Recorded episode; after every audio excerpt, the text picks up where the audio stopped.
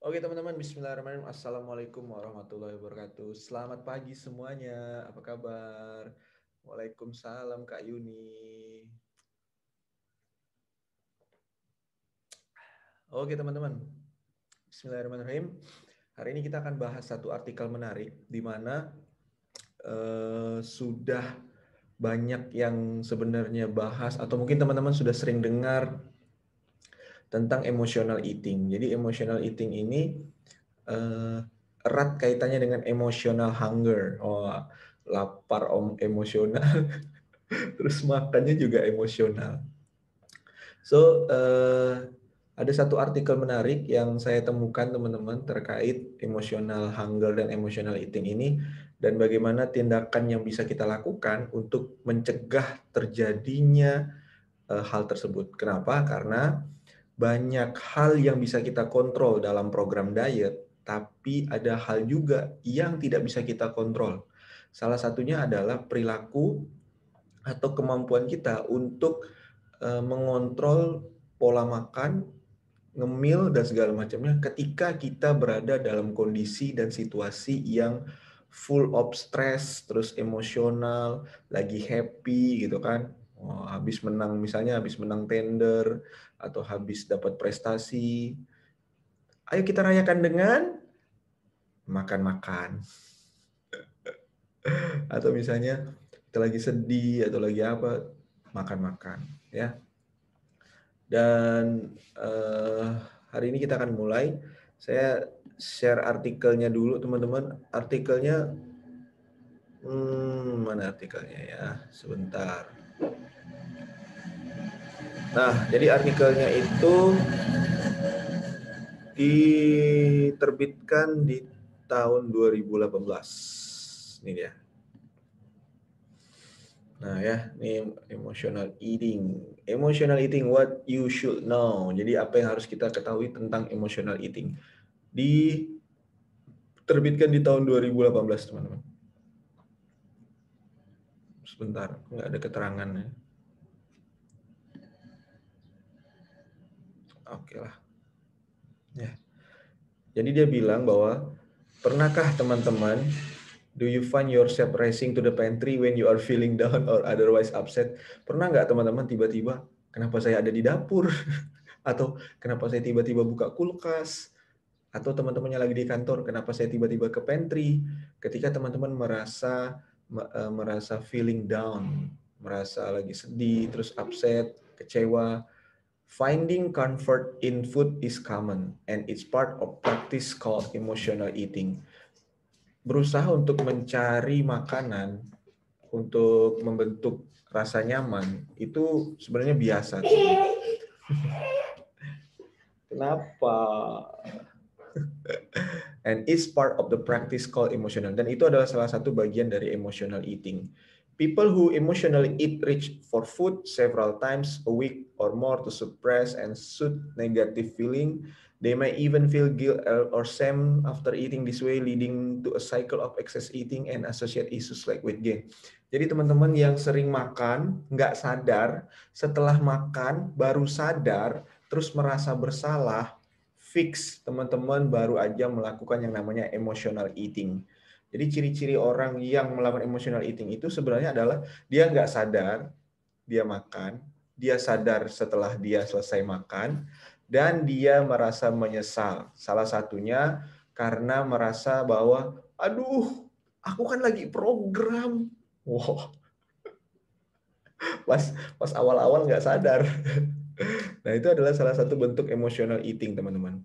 Nah, pertanyaannya adalah, what cause someone to eat because of their emotion? Kenapa orang itu makan didorong karena emosinya, bukan karena rasa lapar secara fisik gitu.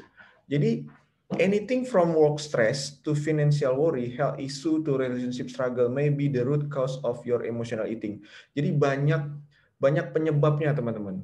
Ya, ada yang bilang stres, kemudian ada yang uh, kekhawatiran yang berlebih, terus kesehatan, bahkan kondisi hubungan yang sedang penuh dengan tantangan ya, hubungan dengan pasangan, struggle, relationship struggle.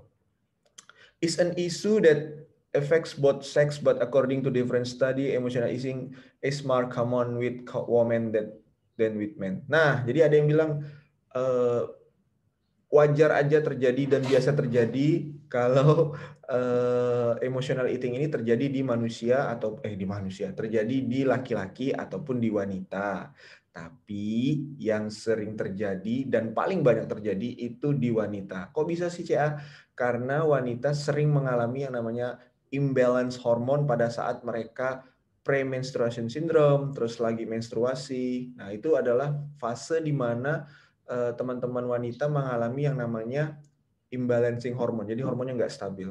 Nah, biasanya kan di situ tuh sering sering hmm, pengen yang manis-manis. Oh.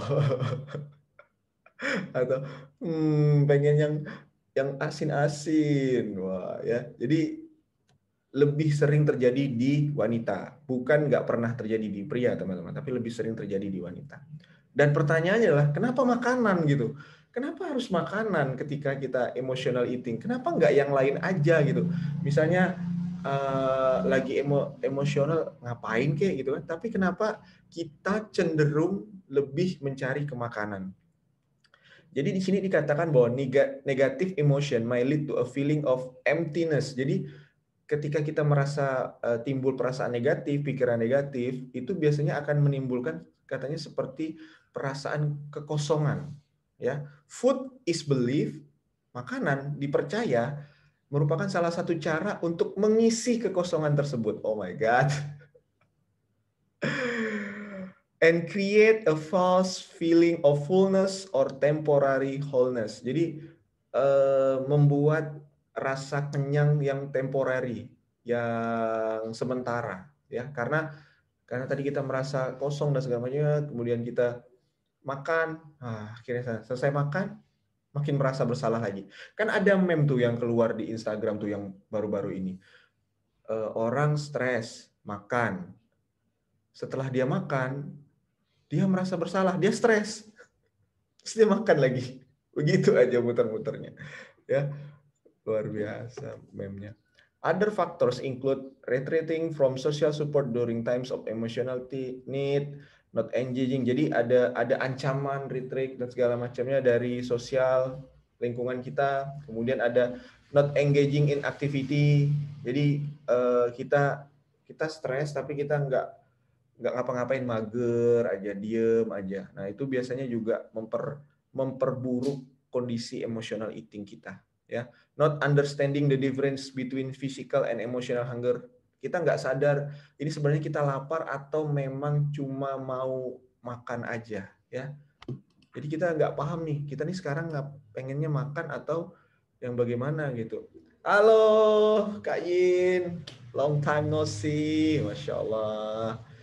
Dan using negative self talking that's related to binge episode. This can create a, cycle of emotional eating. Nah jadi udahlah kita merasa negatif, pikiran kita pun pikiran yang negatif-negatif teman-teman. Nah itu adalah relate dengan binge eating, jadi pengen makan terus. Dan changing cortisol level in response to stress leading to craving. Jadi setelah kita negatif, kemudian kita stres dan segala macamnya, hormon kortisol atau yang biasa disebut dengan hormon stres diproduksi lebih banyak oleh tubuh. Banyak efek ketika tubuh kita dibanjiri hormon kortisol, teman-teman. Salah satunya adalah craving. Jadi pengen makan, pengen makan, tiba-tiba pengen makan sesuatu, ya pokoknya eh, biasanya ciri khas dari craving itu adalah hanya pengen satu jenis makanan aja. Ya, itu adalah penyebab dari hormon kortisol yang berlebih. Kemudian eh, kita harus bedain antara antara emotional hunger dengan true hunger ya. Lapar secara emosional dan lapar beneran ya. Human must eat to live. Yes memang betul. Manusia itu harus makan supaya tetap bisa bertahan hidup. So you may wonder how to distinguish between emotional cue and true hunger cue. Ada yang uh, kita pengen makan ada karena re, uh, apa faktor dari luar atau faktor emosional. Ada juga faktor yang berada dari dalam. Ya memang karena kita lapar aja gitu kan. According to the Mayo Clinic, there are several differences that might help clue you into what you are experience ya. Jadi teman-teman bisa beda ini dari Mayo Clinic bilang bahwa untuk lapar secara beneran, lapar fisik, it develop slowly over time. Jadi dia tuh berprogres teman-teman. Ya, nggak tiba-tiba langsung muncul pengen makan gitu. Jadi slowly over time. You desire a variety of food group. Fire a variety. Jadi bukan pengen makan bukan pengen makan satu aja jenis makanan, tapi semua jenis makanan pengen dimakan. You feel the sensation of fullness and take it as a cue to stop eating. Dan rasa kenyang adalah rasa kenyang adalah tanda kita untuk berhenti makan. Nah, you have no negative feeling about eating. Dan teman-teman kalau udah selesai makan, ya kenyang aja, nggak merasa bersalah gitu. Ya. Nah, beda dengan emotional hunger. Emotional hunger, it comes about suddenly or abruptly. Tiba-tiba, lagi kerja, tiba-tiba pengen makan. Padahal udah selesai makan. Terus lagi eh, ngobrol-ngobrol, tiba-tiba pengen makan. Padahal udah selesai makan. Nah, itu adalah ciri-ciri emotional hunger. Lagi lihat sosial media, eh, tiba-tiba langsung pengen makan, ngelihat postingan di sosial media. Nah, kemudian you crave only certain food. Jadi hanya pengen makan makanan tertentu aja, nggak pengen makan yang banyak. Satu aja, dua aja. Kayaknya seru deh kalau tiba-tiba nih uh, dimasakin Indomie soto hujan-hujan gini. Nah, tuh ya, craving. you might binge on food and not feel a sensation of fullness. Rasanya cuma sampai di lidah aja, habis itu kita nggak ngerasa kenyang. Nggak ada perasaan apa-apa, ya pengen makan aja dan you feel guilt or shame about eating. Jadi setelah makan tuh kita ngerasa bersalah, loh, kok tiba-tiba aku tadi makan yang lain segala macam, ya. Dan berikutnya adalah pertanyaannya adalah how to stop emotional eating, ya. Emotional hunger is not easily killed by eating. Sebentar teman-teman, ada tamu.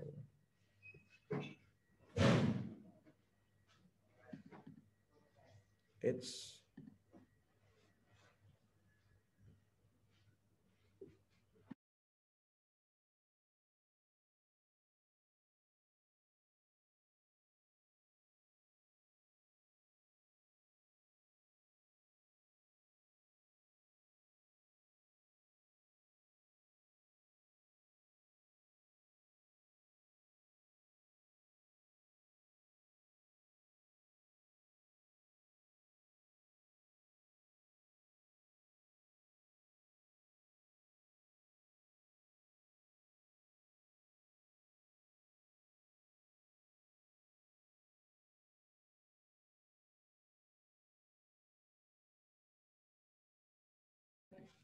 Oke, jadi pertanyaan terakhir di sesi terakhir ini teman-teman sebelum kita akhiri, how to stop emotional eating?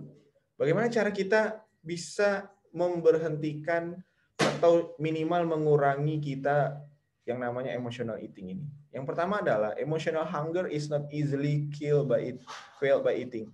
Jadi nggak bisa semata-mata hanya dengan makan aja terus emotional eating itu hilang teman-teman. While filling up my work in the in the moment, eating because of negative emotion often leaves people feeling more upset than before.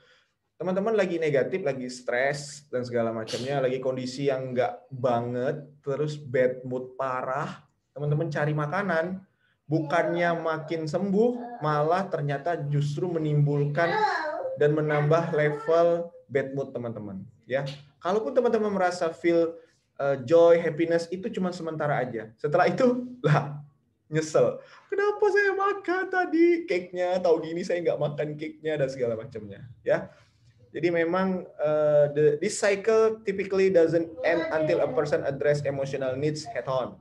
Jadi bukan makanannya, tapi emosionalnya yang perlu kita aware, sadar bahwa oke, okay, sekarang saya lagi emosional, saya harus cari aktivitas lain ya kemudian yang berikutnya adalah find other ways to cope with stress cari cara lain untuk teman-teman bisa mengatasi kondisi stres teman-teman Discovering another way to deal with negative emotion is often the first step toward overcoming emotional eating. Jadi Teman-teman harus cari nih apa nih aktivitas teman-teman yang bisa teman-teman. This could mean writing a journal ya, nulis diary ya, teman-teman. Kalau nulis mau nulis diary bisa juga nulis jurnal. Terus reading a book bisa juga or finding a few minutes to otherwise relax and decompress from the day. Ya biasa meditasi atau inhale exhale. Yang penting teman-teman aware kalau teman-teman sedang berada dalam kondisi stres. It takes time. Yes, memang betul. Nggak semudah yang CA omongin gitu kan. It takes time, butuh waktu to shift your mindset, merubah mindset kita from reaching for food dari yang pengen cari makanan to engaging in other form of stress relief dengan menggantikannya pada aktivitas yang lain. So experiment with a variety of activity to find what works for you. Jadi teman-teman harus cari kira-kira mana nih aktivitas yang paling tepat ketika teman-teman uh, berada dalam kondisi stres atau bad mood. Ya. Dan bagian paling penting ternyata teman-teman, ketika kita lagi stres, ketika kita lagi uh, dalam kondisi bad mood parah dan segala macamnya, jangan mager. Kenapa? Karena move your body ya. Makanya kalau di agama Islam tuh kan eh, Nabi Muhammad bilang kalau lagi marah berdiri duduk ya. Lagi marah duduk coba bergerak dan segala macamnya. Itu adalah salah satu cara untuk meredakan emosi, move your body ya. Some people beberapa orang find relief in getting regular exercise. Ada orang yang kalau lagi stres larinya ke olahraga ya, olahraga terus uh, a walk or or jog around the block or a quicker yoga routine might help in particular emotional moment. Mereka yoga, mereka jalan kaki, mereka jogging, itu adalah salah satu cara buat mereka untuk release the stress mereka. Ya, di salah satu penelitian teman-teman, in one study, participant were asked to engage in eight weeks of yoga. Jadi satu penelitian eh, pesertanya disuruh ikut yoga selama 8 minggu They were then assessed on their mindfulness and insightful understanding. Jadi mereka setelah itu mereka di dikasih questionnaire, dilihat mindfulnessnya, basically their understanding of themselves and situation surrounding them. Dan ternyata hasilnya mereka bisa aware dengan kondisi di sekitar mereka, baik itu internal ataupun eksternal. Ya. The result show that regular yoga may be useful preventative measure to help diffuse emotional states such as anxiety and depresi. Jadi ada penelitian juga yang bilang bahwa kalau kita ngerasa cemas, anxiety atau depresi, yoga bisa jadi salah satu alternatif buat teman-teman untuk rilis tingkat stres teman-teman ya. Dan berikutnya adalah cobalah meditasi, try meditasi. Others are calm by turning inward to practice light meditation. Ada orang yang uh, ngerasa lebih tenang dan ngerasa lebih joy, lebih lebih cozy, lebih comfort dengan dengan mereka meditasi, teman-teman. Meditasi nggak usah lama, 10 menit, 5 menit sambil dengarkan lagu meditasi. Teman-teman silakan cari aja di di YouTube meditasi ya. Atau buat teman-teman muslim biasanya kan kita diarahkan atau dianjurkan untuk tafakur gitu kan. Setelah sholat kita duduk diam sejenak, nggak usah ngapa-ngapain, nggak usah mikir apa-apa, diam aja, tafakur, ya. Itu juga salah satu bentuk kita untuk rilis stres, ya. There are variety of studies that support mindfulness meditation as a treatment for binge eating disorder and emotional eating. Jadi banyak udah banyak nih teman-teman penelitian yang bilang bahwa meditasi itu adalah salah satu treatment atau perlakuan yang bisa diberikan sebagai salah satu cara untuk menanggulangi binge eating disorder. Ketidakmampuan kita untuk mengontrol uh, pola makan dan segala macam ya. You can browse sites like YouTube. Nah, betul tuh. Teman-teman bisa browsing di YouTube, cari tentang guided meditasi atau nih di situ juga nih, teman-teman disarankan guided meditasi for anxiety and stress. Nah, teman-teman bisa cari nih. Ya. Mana kita putar? Bisa nggak diputar?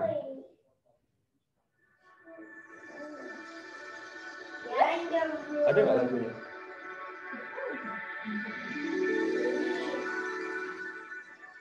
Ada lagunya nggak guys?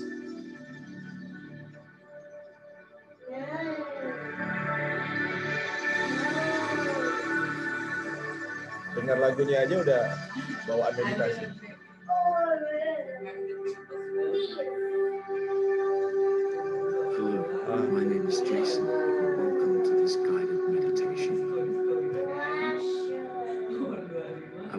Take you.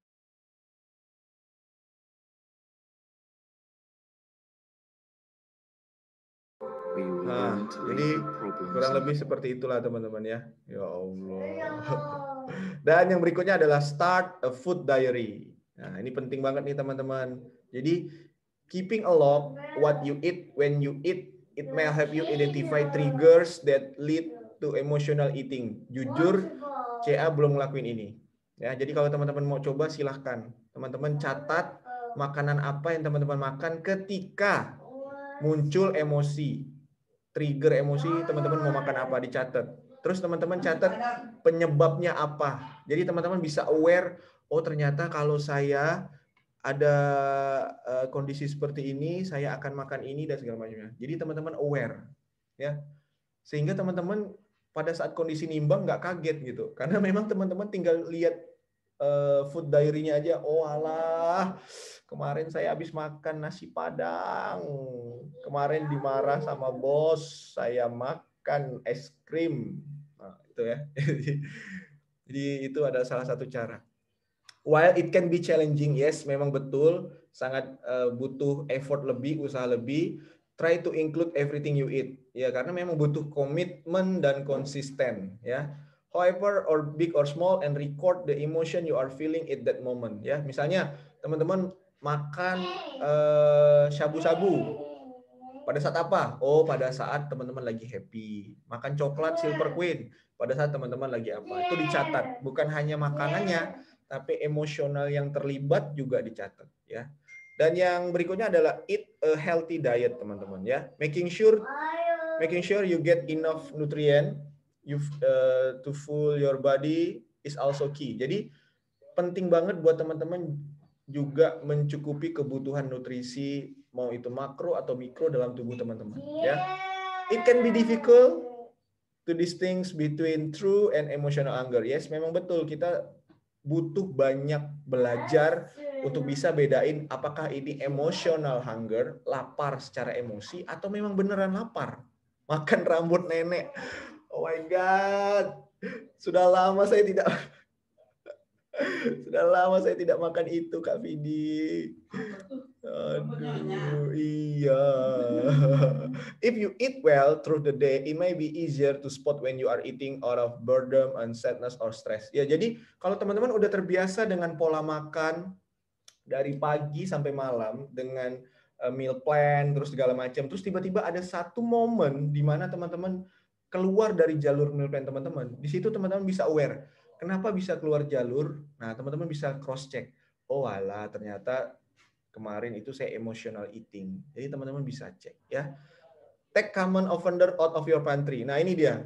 Ada orang bilang kesehatan berat badan ideal dan semuanya itu berawal dari dapur dan berawal dari kulkas. Jadi jangan simpan makan makanan yang mengundang kita untuk comot-comot teman-teman ya. Jadi jangan jangan salahkan makanannya kalau dia ada di dapur kita, ada di kulkas kita gitu kan. Kalau kita buka kulkas tiba-tiba ada makanan yang pizza atau apalah gitu kan, ya wajar aja kalau kita makan. Karena memang ada. Tapi kalau misalnya tidak ada dan butuh effort untuk beli dulu dan segala macamnya, itu biasanya kita langsung cepat aware. Aduh, kenapa saya tiba-tiba pengen go food nasi padang gitu kan? Jadi berikutnya adalah pay attention to volume ya. Kalau udah terlanjur gimana CA? Ya nggak apa-apa. Yang penting adalah beri perhatian kepada volume makanan kita. Jangan porsinya jangan terlalu banyak teman-teman. Ya. Dan yang paling penting adalah seek support. Ini adalah bagian paling penting. Kenapa? Karena banyak dari kita itu merasa struggle gitu kan dan merasa superior bisa menyelesaikan masalah ataupun menghadapi masalah yang sedang kita hadapi sekarang. Kita butuh support teman-teman. Bebas mau pasangan, orang tua, atau teman-teman uh, mau berdoa dan yang penting adalah teman-teman mencari support kalau teman-teman lagi stres atau teman-teman lagi bad mood, ya intinya adalah move your body lah ya supaya hormon kortisolnya diturunkan dan uh, hormon kegembiraannya dinaikkan ya. Mau dia itu uh, serotonin terus adrenalin apa pun hormon kebahagiaan dopamin itu bisa ditingkatkan. Yang penting kortisolnya turun dulu ya. Ya terima kasih kakak. Dadah. Ini juga udah mau kelar dan yang paling penting adalah work on positive self talk ya. Ini yang yang sering kali kita lupakan teman-teman. Kita sering men, kita sering memuji orang lain, memuji anak, memuji pasangan, mengucapkan terima kasih ke orang lain, mengucapkan terima kasih ke pasangan, ke orang tua, tapi kita jarang memuji diri sendiri. Ya. Ngadap cermin, ngadap cermin terus ngucapin Masya Allah tabarakallah hari ini adalah hari terbaik terima kasih sudah mau berpakaian yang baik, terima kasih. Sudah mau mandi pagi, terima kasih. Adi sudah mau olahraga, terima kasih Adi. Mengucapkan terima kasih kepada diri sendiri, teman-teman. Dan memuji diri sendiri. Ya, kalau orang nggak ada yang muji kita, ya nggak apa-apa. Yang penting kita muji diri sendiri. Ya, self talk itu yang paling penting untuk kita bisa mengurangi level emotional eating yang ada terjadi pada diri kita. Oke, itu saja hari ini teman-teman. Masya Allah, tabarakallah. Luar biasa uh, artikel kita pada pagi hari ini tentang emotional eating. So, buat teman-teman semua, yuk kita sama-sama sekarang fokus buat menjadi lebih baik setiap harinya. ya. Terima kasih, CA. Ya, sama-sama. Oke, teman-teman. Uh, Mau foto nggak nih? Kalau mau foto, hidupin kameranya. Kalau enggak, berarti udah kelar. Wah, tuh Kak Jessica udah hidupin fotonya. Teman-teman yang lain? Wah, Kak Vidi juga hidupin. Dua aja ya. Oh, masih ada, masih ada. Wah, ada semua. Oke. Kita mulai ya. Foto. Tiga, dua, satu. Say cheese. Sekali lagi. Tiga, dua, satu. Say cheese. Oke, sudah, sudah, sudah. Matikan kameranya, teman-teman. Nanti lagi kerja, kena tegur sama uh, pimpinannya. Apa kamu senyum-senyum kata dia. Oke lah teman-teman, terima kasih atas waktunya. Terima kasih teman-teman sudah mau bergabung di sesi Breakfast Virtual Club pada pagi hari ini. Ingat, have a nice day. Uh, enjoy the present moment. Gak usah khawatir dengan masa depan. Gak usah mikirin lagi yang udah lewat-lewat. Enjoy the present moment sekarang. Dan buat teman-teman yang beraktivitas di luar, usahakan uh, patuhi protokol kesehatan, jaga jarak, gunain masker dan uh, sanitize, jangan lupa bersihin tangan dan segala macamnya. Oke, terima kasih waktunya. Kita akan ketemu lagi Selasa depan. Assalamualaikum warahmatullahi wabarakatuh.